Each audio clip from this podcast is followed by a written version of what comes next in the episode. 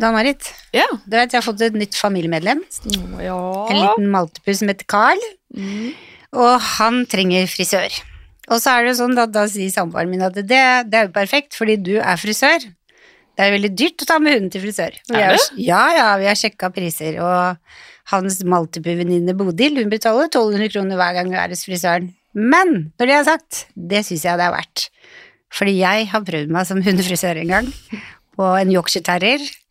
Og jeg kan fortelle deg at han hadde ikke mye lyst til å gå ut de første ukene etter jeg hadde klippet for det er en kunst. Altså, det, er, det blir for feminint når du begynner som frisør med det der, altså, for bikkjer. Ja, for de har vel litt nå, vet, nå kan ikke jeg noen ting om det, men de har vel tatt en utdannelse, de òg? Det er det jeg ikke veit, men det, jeg har gått inn i et kompromiss og sagt at jeg skal være med og se de første gangene han er hos frisøren. Mm. Og så kan det være at, jeg, at han skal filme, og så skal jeg prøve meg når jeg føler meg trygg Mm. på det. Men så er jeg trofa gjennom at han skal ha frisør to til tre ganger i året. Og det er liksom til jul og til 17. mai, Ja. og sånn, for da skal han være fin. For det, jeg syns jo det er litt koselig, da. Men er, er, det sånn at det kribler i fingrene dine fordi du har lyst, eller er det sånn der Nei, det der holder jeg, holder jeg meg unna. Uh, nei, det kribler ikke i henda fordi jeg har veldig lyst. Jeg har studert formen på snuten, hvordan de ser ut, rundt snuten, og den kan jeg få til. Men det er det rundt øya, når de får hår inn i øya, det er jeg veldig usikker på, for at han er jo liten. Jeg har ikke lyst til å komme borti øya hans med saksa, Mm. for jeg har ikke trening i det. Og så er det resten av liksom den vaskes og sånn. Jeg dusjer jo med han, da, og det liker han. Han er ikke glad i føner. og det er det å gre floker. Jeg vil egentlig at noen annen skal kanskje ta den jobben, da, sånn at jeg kan være morsom med mamma, Ja, som leker leker og gir mat og men men jeg skal prøve meg, altså. Ja, dette må ha en update på seinere, kjenner jeg. ja. Men uh, jeg liker å klippe mennesker, da. Ja, ikke sant.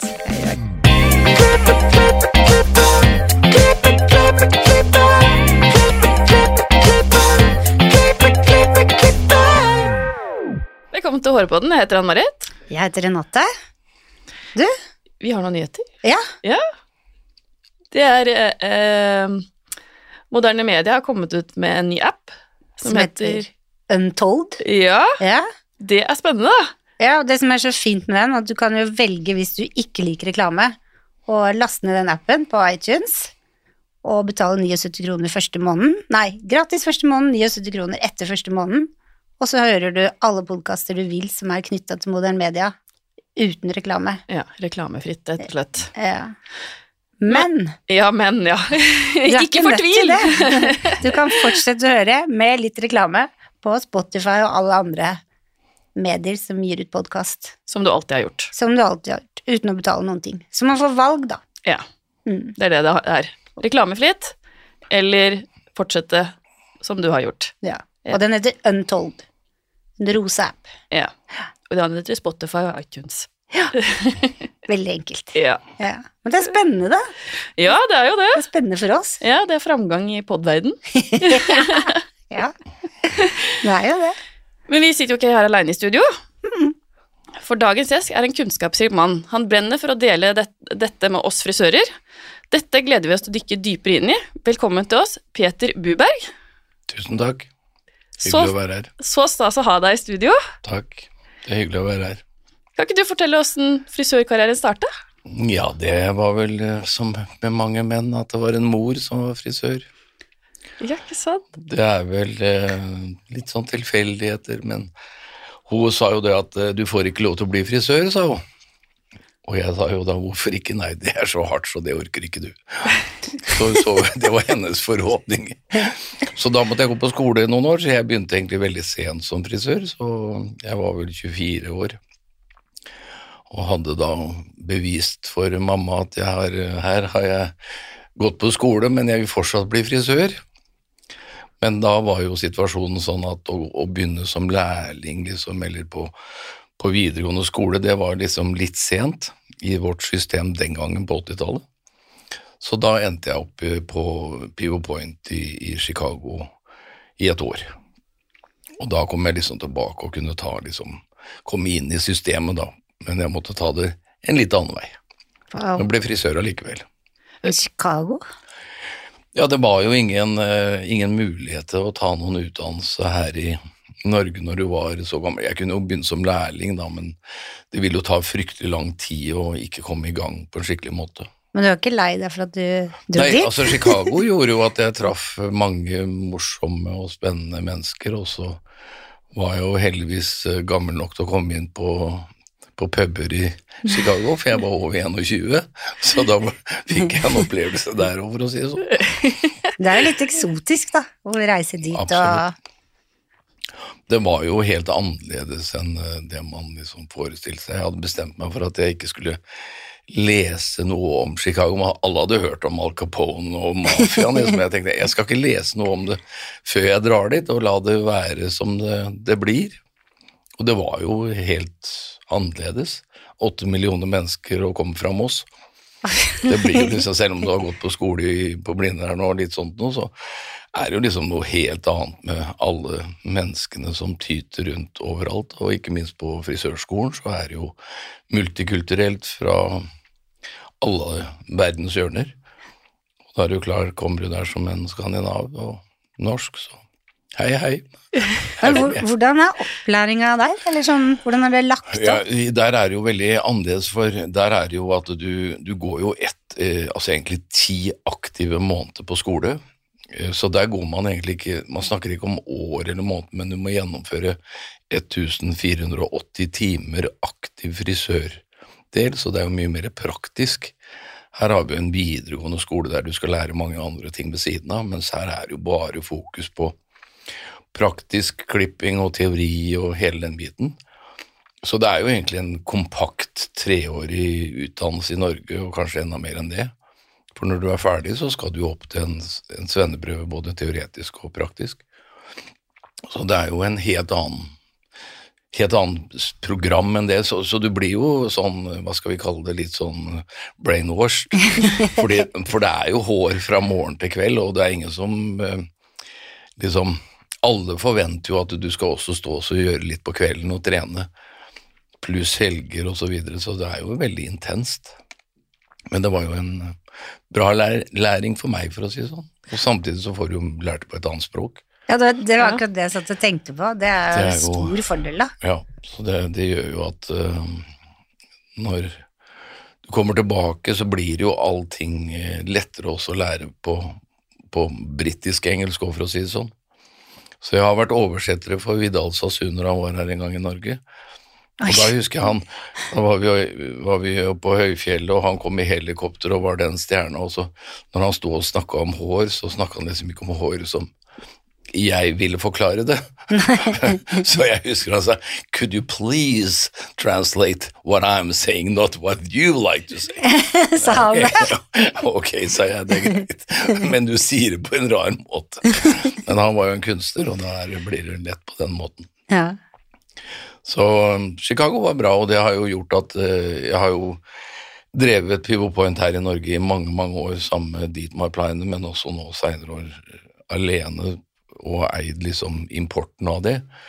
Så vi er jo i hele Skandinavia, har jo fått venner for livet fra Chicago, og det, det er jo det har jo gjort at man liksom ser mange sider av bransjen, og ikke bare står i salongen, men også jobber videre med det og lære opp til andre.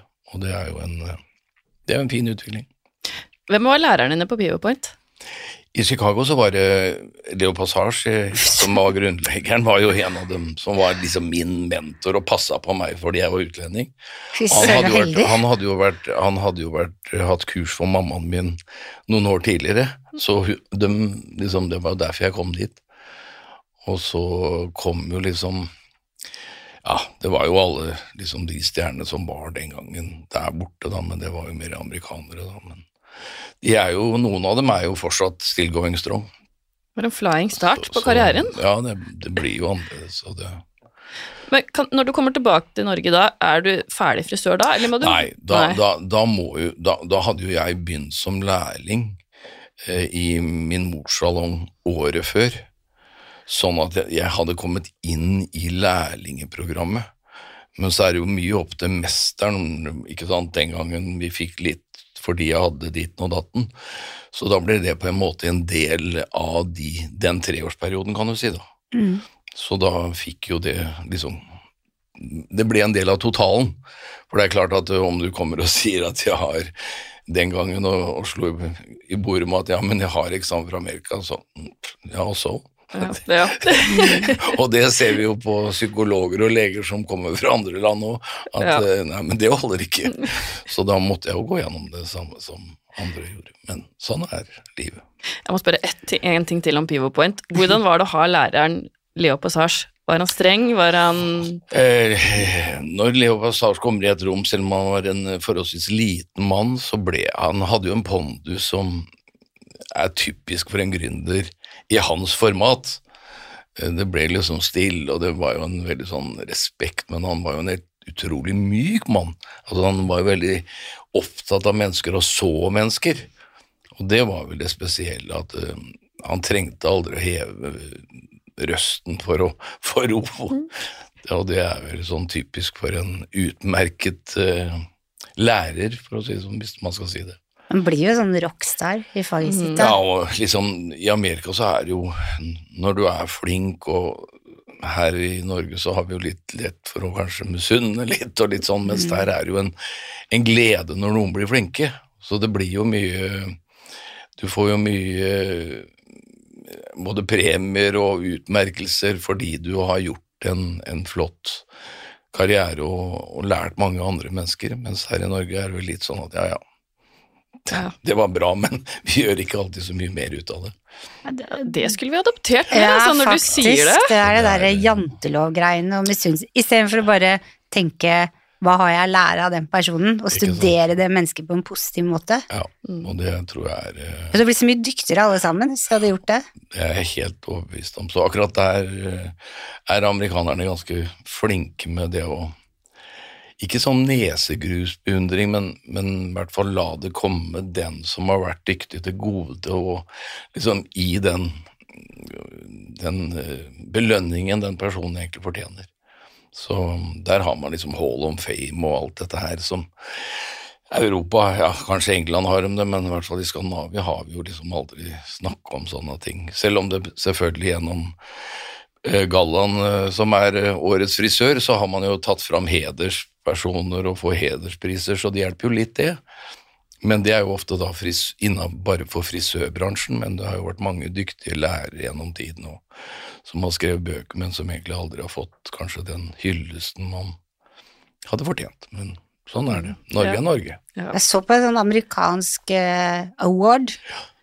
Der eh, Det var sånn kjempe, kjempestort. Jeg husker ikke hva det heter, faktisk, men det var veldig stort. Men da hadde de også sånn at de hedra alle de frisørene som hadde, store, som hadde gått bort det Ikke året. sant? Sant? Med snutt og alt det de hadde gjort. Mm. det Og det syns jeg var så fint. Så det er jo veldig annerledes. Og det. Du kan jo tenke deg, altså Pivot Point-systemet brukes jo av ca. 60 000 elever. Og det, når vi tenker da i, i systemet her i Norge, så er det rundt et par tusen elever. Du har skoler i Kina, i Amerika, så har 3000 elever og sånn. ikke sant? Altså det, det er klart at det også gjør jo, på grunn av volumet, så blir det jo en helt annen respekt, for det skal jo også noe til å kravle seg fram i det samfunnet og vise at man virkelig kan det man utfører, så det er klart det også gjør den store forskjellen.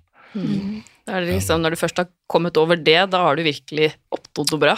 Det har du altså. Ja. altså da har du, men som sagt, det er, det er når du først er dyktig, så blir det res, både respekt av det og ikke minst uh, glede fra andre. Det er jo egentlig det. Altså, Mm. Det merker jo når jeg har vært så heldig å holde kurs og, og show i Amerika, og det, det, da har jo alltid det, det er jo en mye større glede du opplever. Folk er liksom ikke redd for å klappe, mens når folk går på kurs her i Norge eller Finland, eh, uten å snakke ned finner, men der er det litt sånn Vi, vi, kommer, vi, vi, viser, vi viser ikke det beste av oss selv. Nei. Og det er jo jeg, Det jeg har merka mellom å kanskje ha hatt et par tusen kurs, det er jo at vi vi, vi har en måte å, å tenke å ja, dette var bra, men, men så viser vi det ikke. Og det er jo alltid for en skursholder en glede å få en tilbakemelding eh, at eh, ja, dette liker vi, klappe litt. eh, Vi, Vis litt Men- entusiasme. ja, og, det, og egentlig det beste av oss selv. Altså, man bør jo ikke komme med liksom stoneface og liksom Og det har, er nok litt vi frisører at ja, men dette kan jeg. Ja, Men man kan ikke alt, og man lærer noe hver dag. Helt riktig. Så, men men hvis du tenker at jeg kan alt, da ikke gå på kurs, da. La de som føler at de ikke kan det, ha lyst til å være glade, gå på kurs. Helt klart. Det er, det. det er så enkelt. Ja. Jeg er litt nysgjerrig på, du, du sa at du måtte gå en annen skole før du faktisk gikk Pivot Point-skolen. Hva var det som gjorde at du liksom Dette her vil jeg.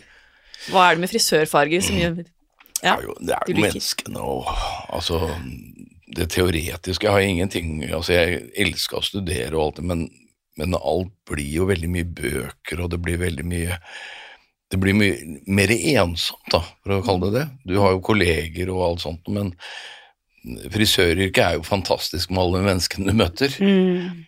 Og det er klart at det, sånn som jeg når jeg holder eh, kurs for elever og sånn som jeg sier at altså du kan jo være verdens dyktigste frisør, men hvis ikke du har, er opprinn riktig glad i mennesker, så blir det jo ganske slitsomt, for da blir det jo litt sånn Det er ikke så lett da å være seg selv og alt dette her, og så for meg var det det å kunne møte mennesker og prate og få tilbakemeldinger og det var vel det som jeg syntes Også selvfølgelig ikke minst det å kunne skape noe med hendene sine. Mm. Og så er det jo det at du, ser jo et ferdig produkt. Eh, og det var vel eh, sånn som jeg hadde sommerjobber og jobba på M. Petterson, altså papirindustri. Der var det jo bare en del av en brikke på en fabrikk. og det, altså Mange syns jo det er kjempe og stolte av det, men du ser jo aldri det ferdige produktet. Og det er jo det som er så deilig med frisøryrket, at du ser det fra begynnelse til slutt. Og det, Noen gleder seg, og det andre gjør ikke, men, men jeg gleder meg i hvert fall over det. At den ikke bare er en puslebit i et puslespill. Mm. Få lov til å gjøre folk fine. Og få Ja, glede. Fin og få glede og Mm. få litt kjeft og ja, det må til, det òg. Og jeg har vært på kurs med deg, og jeg husker fortsatt Ja, så hyggelig. det du, altså, ting du viste fram, og tenkte at det var en helt genial måte å forklare på. Det er jo det det er vel det her med forklaring og sånt, og det, det er klart at alle kan jo lese seg til kunnskapen om hår og moter og tilpasning, men, men det er jo liksom det når vi har lest en gang, så er det jo det er en lang vei derfra å lese det og forstå det selv og til å lære det til andre.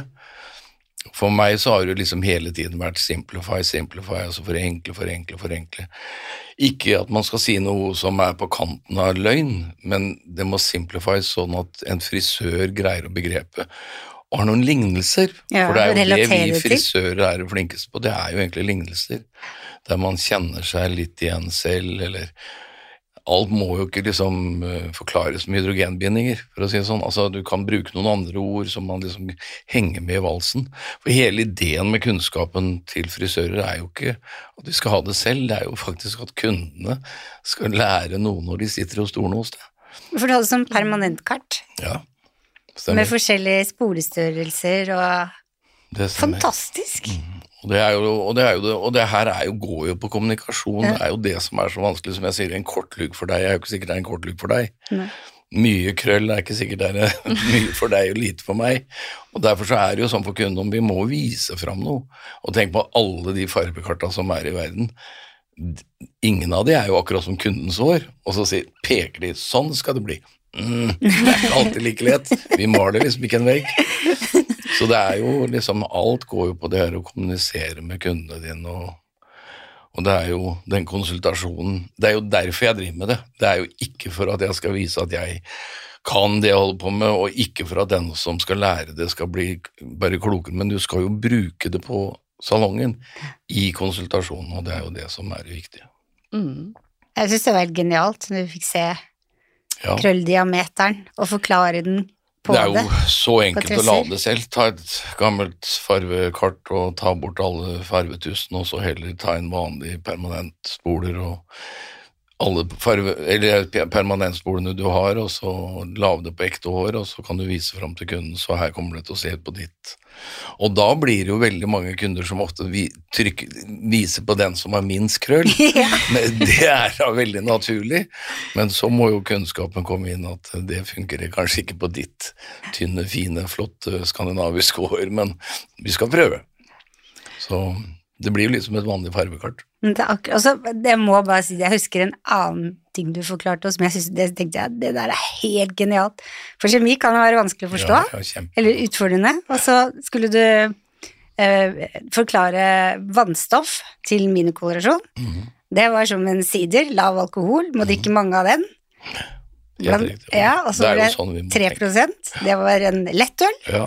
Og så var det 6 et glass vin, 12% og 9% sprit og litt høyere sprit. Ja, ja, Og hvordan du reagerer på det, og sånn var virketiden i håret. ikke sant. Det, er da- det forstår frisører.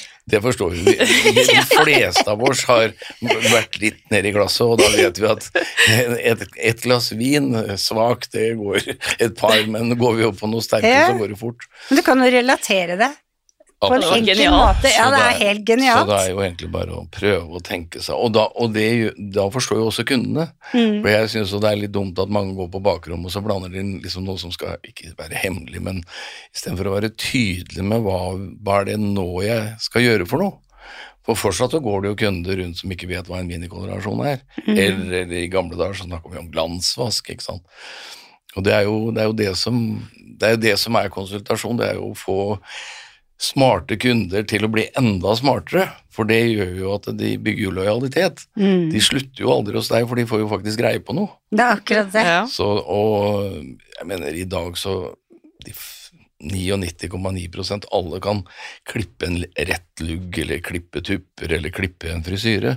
Det er jo ikke det som skiller oss, men det er jo egentlig hva som kommer ut av munnen min som, som skiller meg og gjør meg individuell.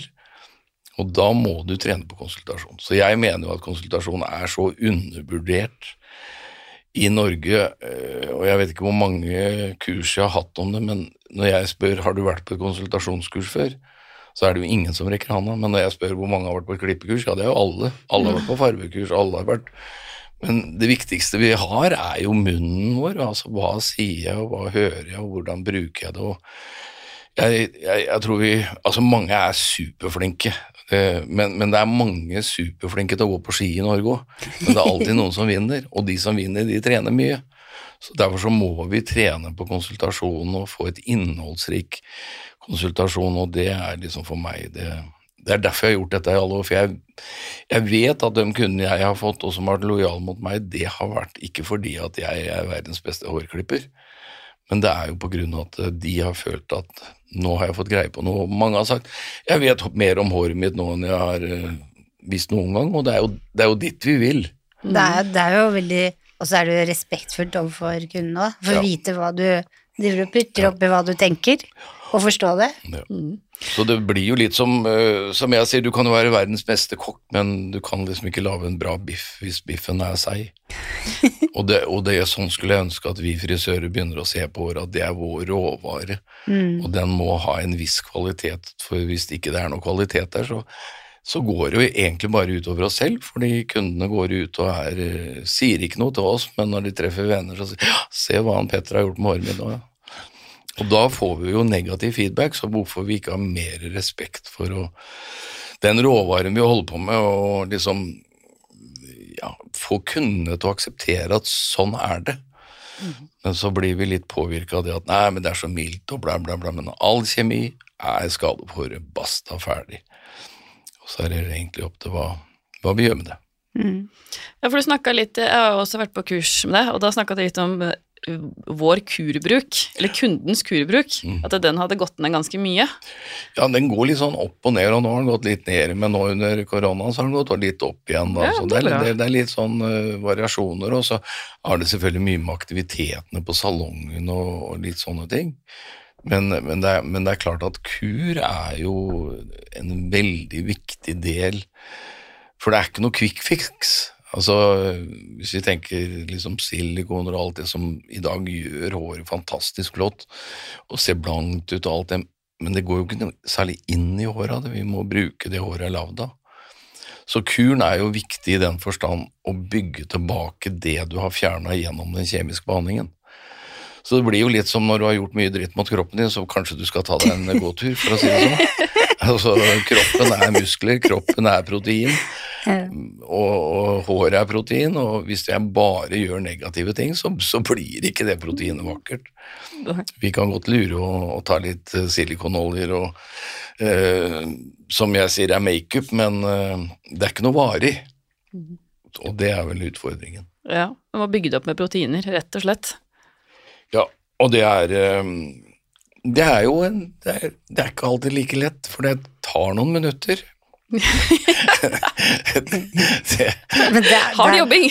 Det er deilige minutter. Altså, både når de gjør det i salong, og når de kjøper med hjem.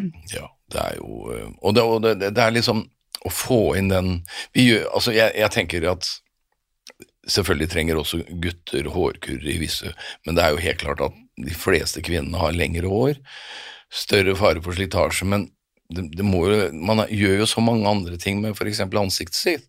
Det er jo en rituell del av hva man gjør, og det skal jo ikke mange minuttene til å gjøre den kuren da i det, det ritualet.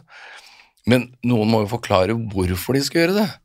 For det er jo ikke som med ansiktet. Med ansiktet så kjenner vi jo noe etterpå, men du kjenner jo ingenting på håret. Det kan hende det detter sammen litt, fordi det blir for mye kur på en gang. Men, men stort sett så har du ikke den samme feelingen, da.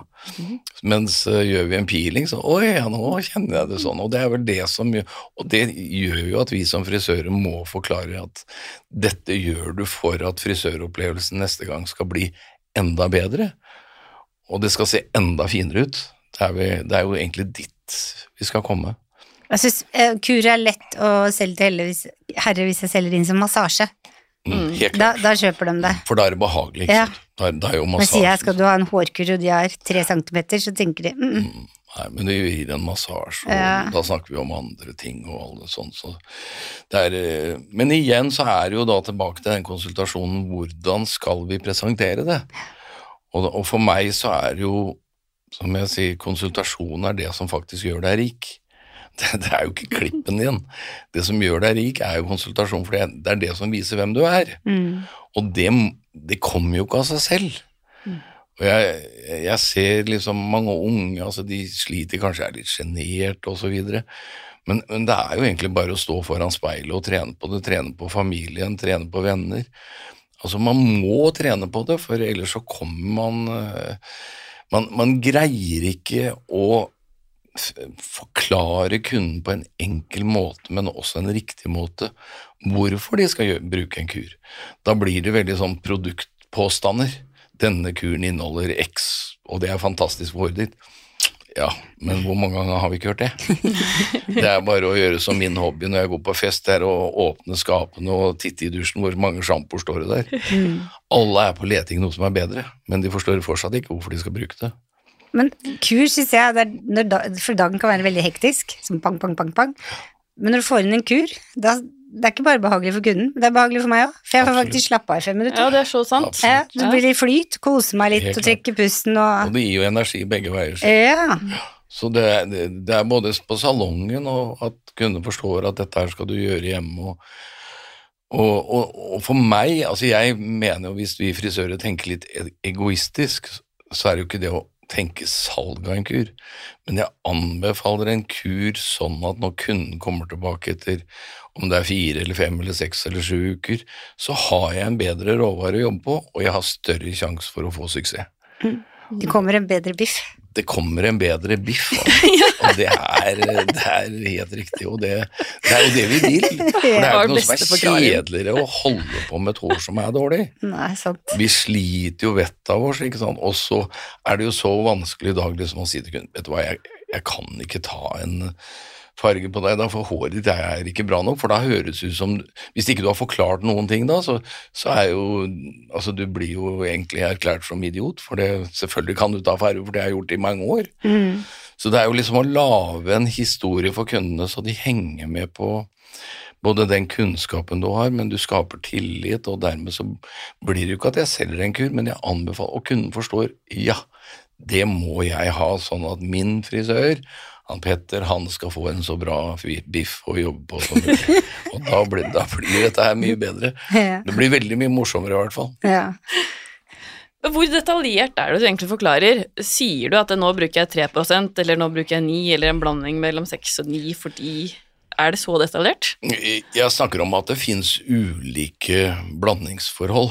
Ja. Og da forklarer jeg som vin og, eller øl og vin og sprit, liksom. Ja. Og hva det skal gjøre for noe. Eh, Så jeg, jeg, jeg sier hva jeg gjør og hvorfor det oppfører seg annerledes og sånn. Men jeg går jo ikke inn og begynner med det. Altså, der jeg begynner i min konsultasjon, det er rett og slett at etter, eh, etter jeg har gjort en hårtest Altså, jeg er horolog, og, og vi har jo, er jo så heldige at vi har en, en hårtest, men og da sier jeg noe om hårkvaliteten, men om jeg ikke gjør det, så er det jo etter sjamponeringen så ber Altså nå snakker vi om første kunde, første besøket. Det er jo at jeg ber kunden å gre håret sitt selv. Og da blir veldig mange kunder sånn Hva, skal jeg børste selv? Men jeg sier vær så god, børst. Og det er jo egentlig for å se hvordan de kammer gjennom håret sitt. For vi frisører tar det for gitt, vi har jo lært at vi skal begynne ute. Men noen er jo, holdt på å si, klingerne. Altså, de begynner jo innerst, og så sier de med sånn et smil opp med oss Ja, men jeg er ikke hår, hårsår. Og da sier jeg nå stopper vi. Og da begynner jeg jo egentlig Der begynner jo min story om håret, hvorfor, og om skjellag, og hvorfor skal du være forsiktig, og så videre, og så videre. Og, og, og da er jo da jeg kan komme inn på det her med vannstoff, og hvorfor vi er ulike. Men, men altså, grisehaler, som jeg kaller dem Ingen skjønner hva jeg mener med en grisehale, men alle har sett en grisehale. ja. Jeg, jeg sitter jo og ser på noen over bordet her som har litt tendenser. Og det er jo sånn at når man har overstrekt et hår, så går jo ikke det tilbake igjen. Det blir akkurat som når du tar, tar snøret rundt julepapiret ditt. Da tar vi en saks, og så drar vi det skarpt igjennom eh, hyssingen du har rundt, og da blir det en sånn liten snurredutt som ser veldig fin ut, men det ser ikke så fint ut i hår.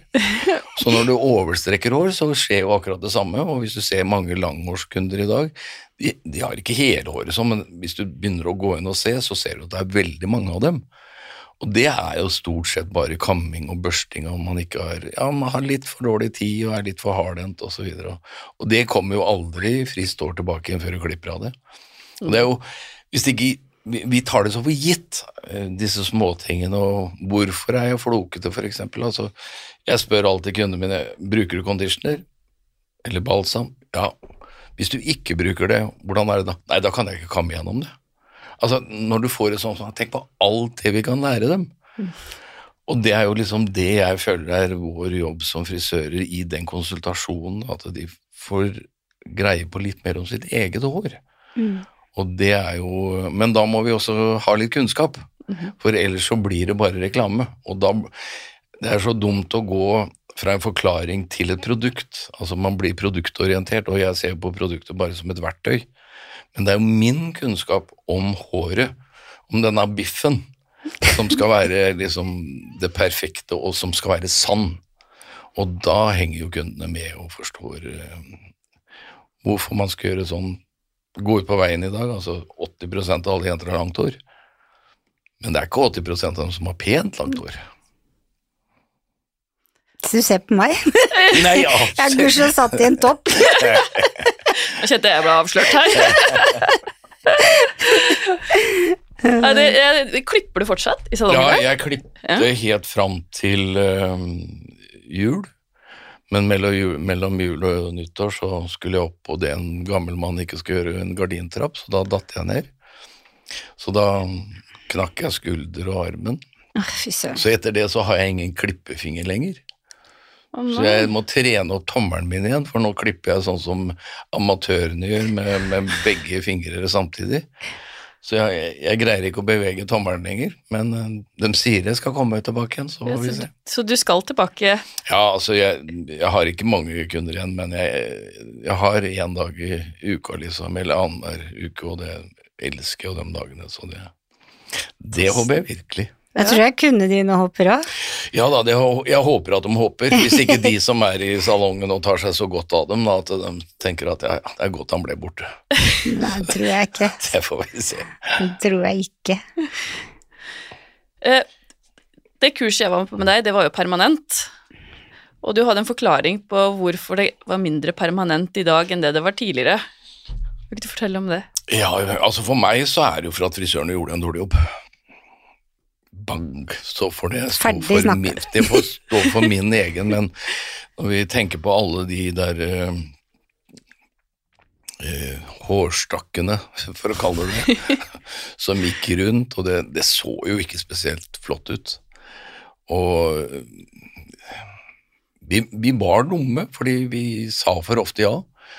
Vi gjorde permanente på hår som var for dårlig, og dermed så ble den eh, Det så ikke pent ut, og det var, det var dumt av oss. Og eh, Så- jeg står for det fortsatt, at uh, vi skal være forsiktige hvis vi gjør nå det samme med hårfarving. Det, nå koster en hårfarve så mye, og når man ser hvor mange som blir blasse etter kort tid, og blir rødlige i farven Altså, det er lett å gå og kjøpe seg en farve sjøl.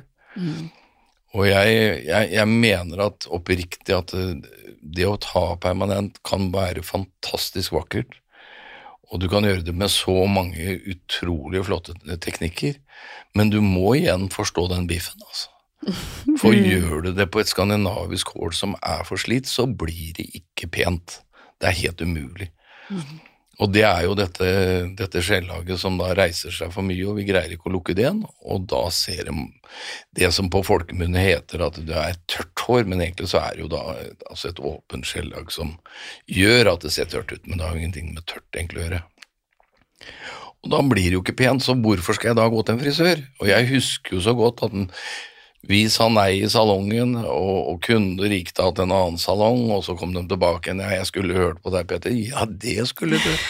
Men eh, nå er det jo sånn, og ja, hva skal jeg gjøre nå da? Og så blir det sånn etterpåklapping som ikke fungerer. Så vi frisører og kunden har egentlig blitt litt avskrekka. Ja, I hvert fall den, nå, nå er jo permanenten Nå har jo hoppa over egentlig En generasjon, en ja. generasjon, og derfor så har vi jo en fantastisk mulighet igjen nå. Mm. Men vi kan ikke gjøre samme feilen igjen. Så jeg mener jo at, og, og min generasjon har jo ikke vært flink til å lære bort uh, teknikkene og hvordan vi gjorde det. Er en stor usikkerhet der ute. Og da snakker jeg både om den faglige teknikken, altså hvordan ruller jeg, alle måter å rulle på, eh, altså få opp farta, ikke minst. Altså man må trene på det. Det, det tekniske i forhold til hva du ser for deg i klippen. Hvordan skal jeg vikle i forhold til resultat? Helt riktig. Jeg- Det har jeg sett på mora mi noen ganger, at Ja. det har ikke vært til stede. Stakkars. Nei, altså det blir jo fort jernbaneskinner. Ja, ja. det, det går fort, mens man kan jo sette permanentspoler akkurat som man bruker en rullbørste, eller eh, når man setter vanlige hårspoler. Så man har jo mange muligheter, men min generasjon da, nei, den ja, det er jeg ferdig med. Men for salongene og for meg som frisør, så har vi jo egentlig mista et ben å stå på. Mm. For den dagen permanenten bråstoppa, så måtte jeg jo egentlig ha flere kunder for å ha full liste. Eh, og det er klart at når jeg hadde da fire permanenter i løpet av en dag, så hadde jo jeg full liste. Men jeg har bare klipp, altså første tiden så var det nesten bare klipp, og så kom jo mer og mer farve. Men, men det, det tar litt kortere tid, og det gjør jo at du ofte må ha litt flere kunder for å fylle lista di gjennom et år, da, for å si det sånn.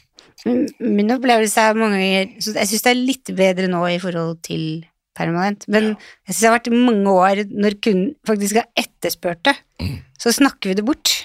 Nei, du kan bruke en krølltang, og vi tar heller og farger deg. Mm. Men nå er det tekstur. Er jo Ja, ja, og det er, og, og, Og det er gøy. alt det vi vet i dag om vi kan gjøre. Men igjen da, kvaliteten på skandinavisk hår må være bra. For ellers er det ikke nok muskler i håret, rett og slett, og da blir det ikke, det, det blir hverken, det blir ikke som man har tenkt, meg, eh, tenkt seg, men, eh, og det blir heller ikke, det blir ikke pent. Og da, og da nytter det ikke å liksom, ja, men permanentvæsken i dag er ikke som før. Altså, permanentvæske er permanentvæske, og det heter for guds skyld ikke oljer, det har ingenting med olje å gjøre. Det er en permanentvæske, og den, den, den skal fortsatt gjennom noen ganske brutale kjemiske bindinger i håret, som er sterke, og det vil påvirke kvaliteten. Så min eh, store råd det er jo det at mange tror jo det at når det blir tørt og ser litt ja, ikke så pent ut etterpå, så tror mange at man har valgt feil permanentvæske, men veldig ofte så er altså det er ikke veldig ofte, det er alltid fikseringa som gjør at det ser tørt ut. Så det, det er rett og slett for at fikseringa, det er den som er en oksidasjonsprosess. Og da, greier, da lysner man rett og slett litt av skjellagene, og så ser det fryktelig tørt og herpa ut etterpå. Men det er ikke dermed sagt at kvaliteten har blitt dårligere, men det ser ikke pent ut. Så derfor så er liksom den der å ha en, en god kvalitet, at man heller får kunnet å bygge opp håret litt, sånn at det i hvert fall første gangen ser pent ut. For det, og det er jo ikke å tenke liksom å gjøre det på hele året. altså På 80-tallet vi sto jo og gjorde utvevinger. altså Da tok vi jo bleka den ene delen og, og rulla den andre delen. Det er jo teknikker som har gått helt i glemmeboka. Mm. Fungerte jo utmerket. Og det var jo nettopp for at vi ikke gjorde begge tinga på samme hår, men da delte vi jo opp håret så noe ble bleka, og noe tok eh, krøll på. Så det er eh, Nei, permanent Det er mye struktur. muligheter, hører jeg. Det er fantastisk mange muligheter. Jeg, jeg vil si at kanskje den største utfordringen nå er jo, det er jo faktisk spolene. Det er jo nesten ingen som selger eh, annet enn standard spoler. Og en annen ting, det har vi leita etter på jobben min. De derre brettene som du har rundt. Det er nesten ikke til å oppdrive. Nei, dem er eh, Så mye av det, de tingene er jo borte, holdt jeg på å si. Så det er jo viktig at man begynner å etterspørre, for det produseres jo, altså, men man må ta det litt lenger unna. Så mm, teknikk Det finnes så mange fantastiske teknikker, og, men vi må trene på det, dessverre. Det kommer ikke av seg sjøl, for du kan ikke stå og rulle permanent en time, liksom, på grunn av at ikke du har øvd på det. Da blir både kunden sur og Businessen. businessen sur, så, så her må man uh, få opp farta. Mm. Men det er kanskje det er det, det man skal gjøre. Alle har jo sånn Kom på color-kurs og Mm. color master, og hva med perm-master og perm for nybegynnere, og gjøre det litt hot. Ja, rett og slett. Ja, Vi har begynt å sette i gang noen kurser nå, i hvert fall, og det, det er jo nettopp for at vi ser at det er et behov for det. Mm. Men man må se mulighetene, og jeg mener så mange som for eksempel har langt hår i dag, så trengs det jo teknikker for langt hår på, så man ikke går i disse feilene man gjorde før. Altså én liten spole og rulle hele veien inn, vi må bruke flere spoler, bruke det jeg kaller for hotdogs, altså disse gummitingene. Det finnes jo masse altså, verktøy for å gjøre det her pent. Ja. Og det er jo det som er kanskje det viktigste, er å få de verktøyene tilbake igjen. Mm. Så vi kan være kreatører, og at det blir pent. Og det, er, det står som et tilbud til kunden når de kommer inn. Helt klart. Mm. Og den eh, generasjonen som kommer nå, de, de har jo ikke mange, mange har jo ikke engang hørt om det. De, de, hvordan kunne de se ut sånn på 80-tallet? Men mange av de ønsker jo tekstur. Ja, altså det kommer. Det- Det... Vi vet jo åssen det er. Det går jo. Mange vil jo ha det lange år, men ønsker forandring. Du kan ikke bare gjøre det med, med farve. Mm. Nei. De vil ha noe annet, så vi får håpe at uh, it's coming back. Vi trenger en rockestjerne, kanskje. Som skal, Ja, så det, så Ja. kan det er det som trengs. Ja, Det er det. ja, vi må mm, så enig. Men hva tror du skal til for å rekruttere flere til frisørbransjen? Jeg tror hele bransjen må gå sammen. Ja. Altså jeg er helt overbevist om det, da snakker jeg fra produktleverandører til uh, undervisningsleverandører, om det er privat eller offentlig, det er fagforeninger, det er altså egentlig alt som bransjen er. De må finne noen sånne standarder som vi skal gå ut med, både i sosiale medier, og ha en, ha en kommunikasjonsstrategi. Mm. Det tror jeg er ganske viktig, sånn at vi, vi, vi begynner å framsnakke oss sjøl litt. For eh, jeg tror også mange frisører i dag er liksom De er glad i det de holder på med, men, men de er ikke så veldig flinke på å, snakke litt kult om at jeg er frisør, liksom. Jeg gjør det hele tida, jeg. Ja, ja, Ja, ja. ja, ja mange, mange, noen gjør det, absolutt, men også noen, mange er litt sånn Nei, jeg er bare frisør. Jeg hører det bare veldig ofte foran. Og så tror jeg kanskje det viktigste er jo også dette her med, med hvordan arbeidsmiljøet er på salongen. Det har jo blitt mye, mye bedre. Men det er klart at gjennomsnittsalderen i Norge nå er 31,7 år eller noe sånt nå. Det, det, det er jo mange som detter av som ikke skulle dette av. Mm. Og det er klart at eh, er det for at vi er begynt å bli ikke tørre å jobbe så hardt, eller er det fordi vi ikke tåler så mye lenger? Jeg skal ikke si noe om det, men, eh, men det er klart at vi, vi må holde på folka våre. Mm. Og da må vi sikkert alle gjøre en innsats for at det skal skje. Ikke bare blåse det bort, for det er en utfordring. Ja, jeg fikk et gåsehud når du snakka om det om å samle bransjen. Ja. Det tror faktisk jeg òg. Det synes jeg det hadde vært fantastisk. Ja.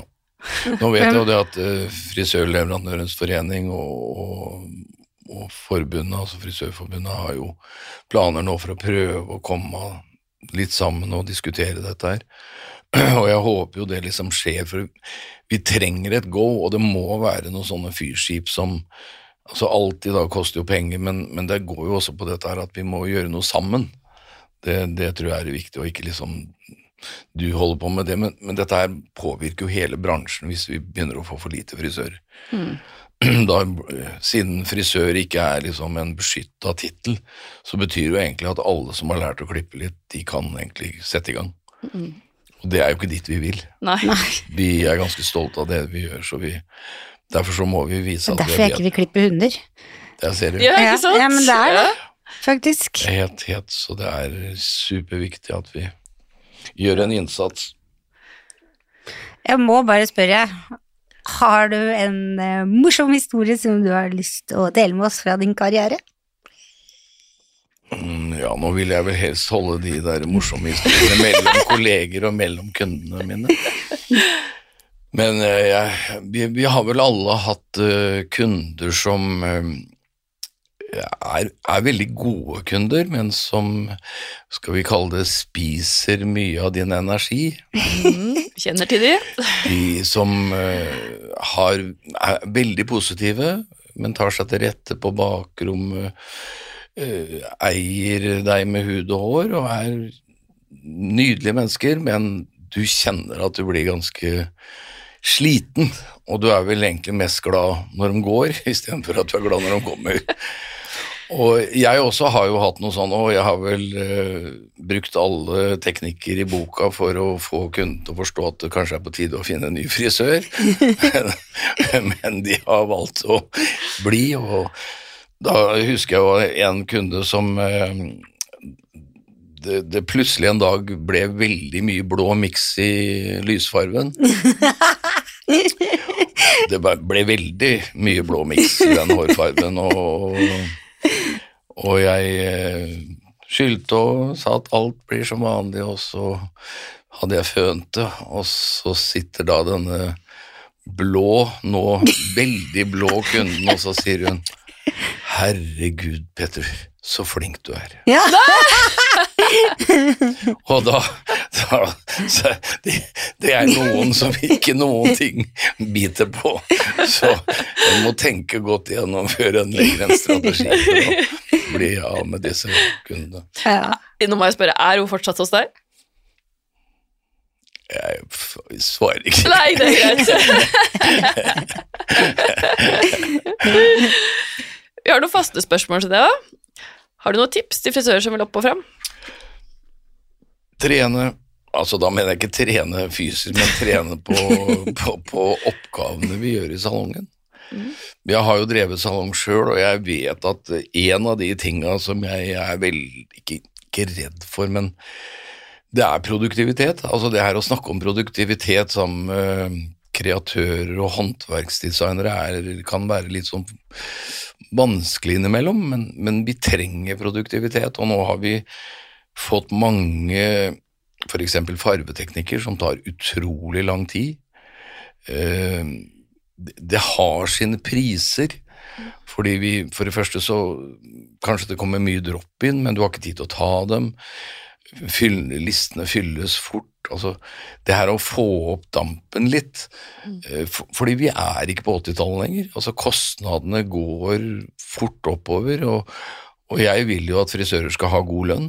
Og det er nå engang sånn at produktivitet og lønninger og hva vi har i fortjeneste og bedriften, det, det henger litt i hopes. Så jeg vet jeg sparker kanskje litt i vannglasset, men, men, men jeg, jeg tror det er nødvendig. Jeg, altså når jeg var på Vidal Sasun, og man står med én millimeter eh, passer og bruker veldig langt Noen kan holde på på den måten.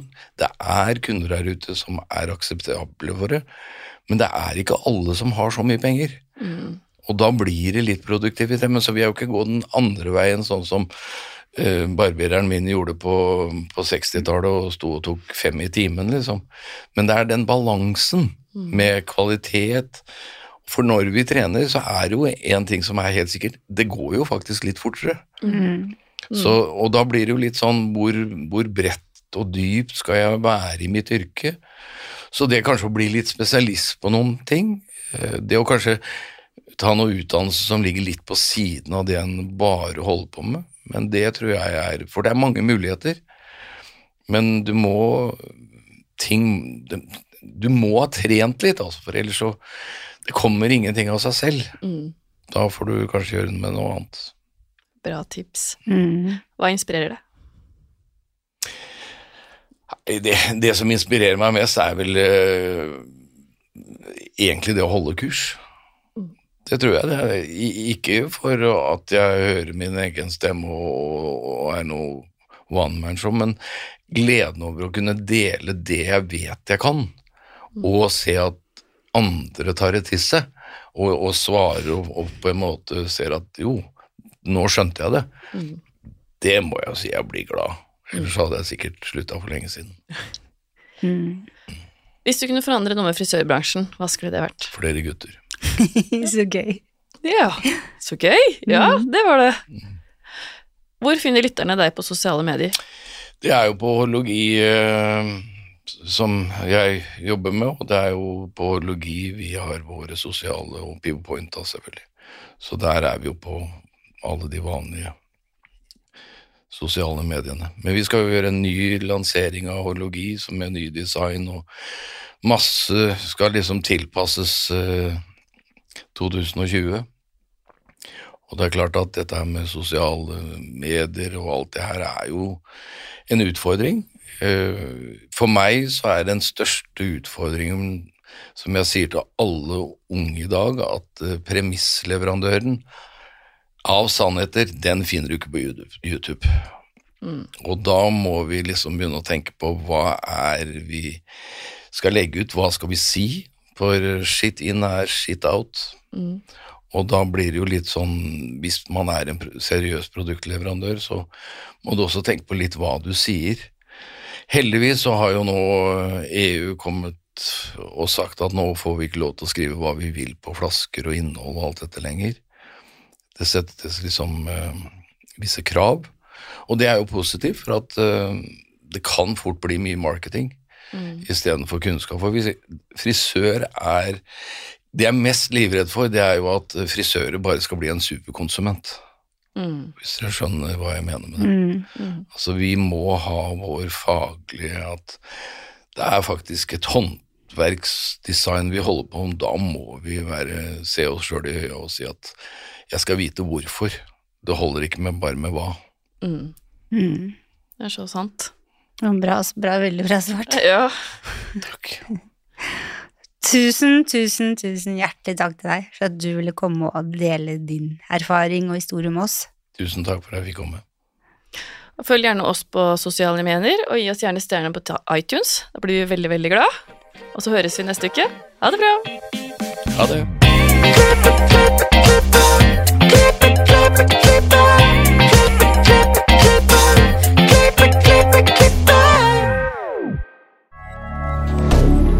Moderne media. Har du et enkeltpersonforetak eller en liten bedrift? Da er du sikkert lei av å høre meg snakke om hvor enkelt det er med kvitteringer og bilag i fiken, så vi eh, gir oss her, vi. Fordi vi liker enkelt. Fiken superenkelt regnskap.